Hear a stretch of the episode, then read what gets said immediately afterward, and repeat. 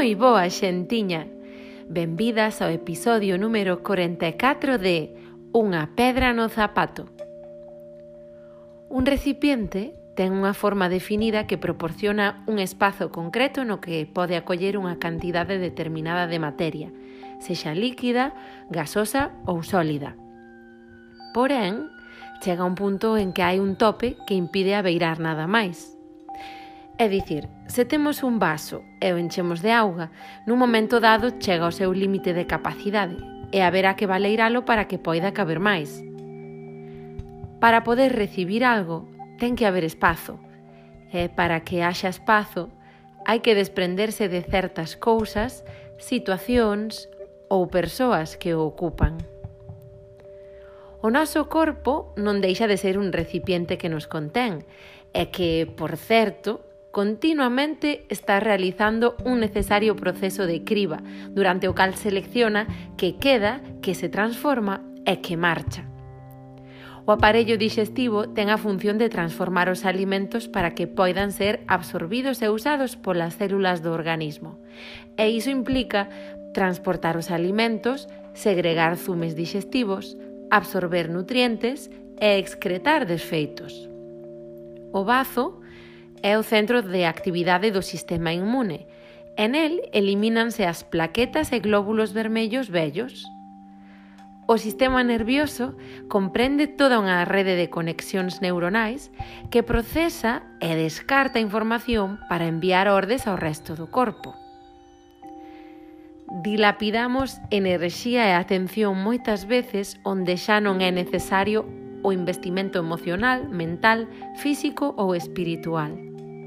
Quedamos enganchadas a seguir mantendo certas situacións, cousas e relacións por medo á incerteza que supón soltalas, por medo ao baleiro e á soidade, por medo a perder a sensación de seguridade que nos fai sentir aquilo coñecido hai un adaxio que di mellor o malo coñecido que o bo por coñecer preferimos seguir mantendo algo coñecido aunque non estea en consonancia con quen somos agora por medo á incerteza que virá se o soltamos?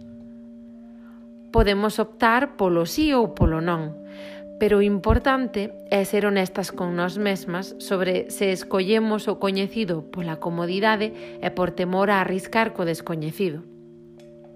Ningunha das dúas opcións é mellor ca a outra – Simplemente levaránnos por camiños diferentes.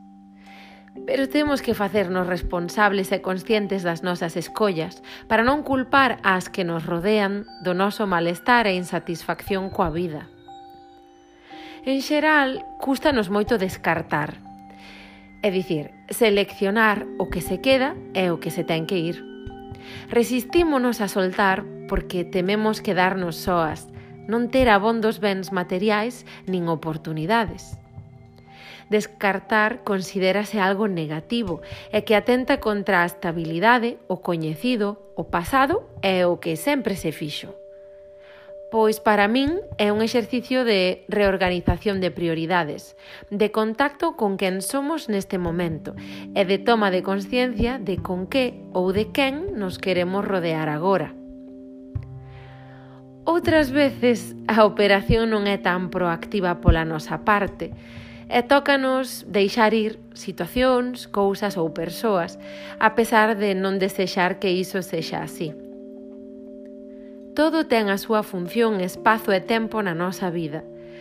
Pero os seres humanos pretendemos controlar e reter o que acontece no punto que cremos que nos convén máis para que non se modifique aferrámonos e usamos a chantaxe disfrazada con reproches do tipo con todo o que eu fixen por ti, despois de traballar aquí tanto tempo, con todo o que eu che quero, despois de darche os mellores anos da miña vida, con todo o que eu che axudei. Hm. Cando dicimos soltar, moitas veces asociámolo con rexeitamento e expulsión. Soltar implica a nosa acción sobre o obxecto, o suxeito ou a situación que soltamos.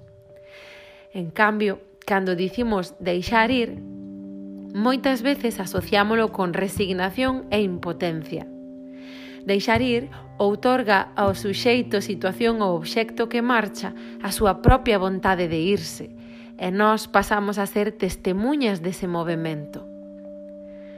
Todo depende da interpretación que fagamos e de onde poñamos o foco. Soltar ou deixar ir son accións difíciles para nós, seres humanos apegados, pero necesarias. Podemos facer delas un proceso amable, ao despedirnos con agradecemento polos momentos compartidos e o abrirnos a recibir os que están por vir.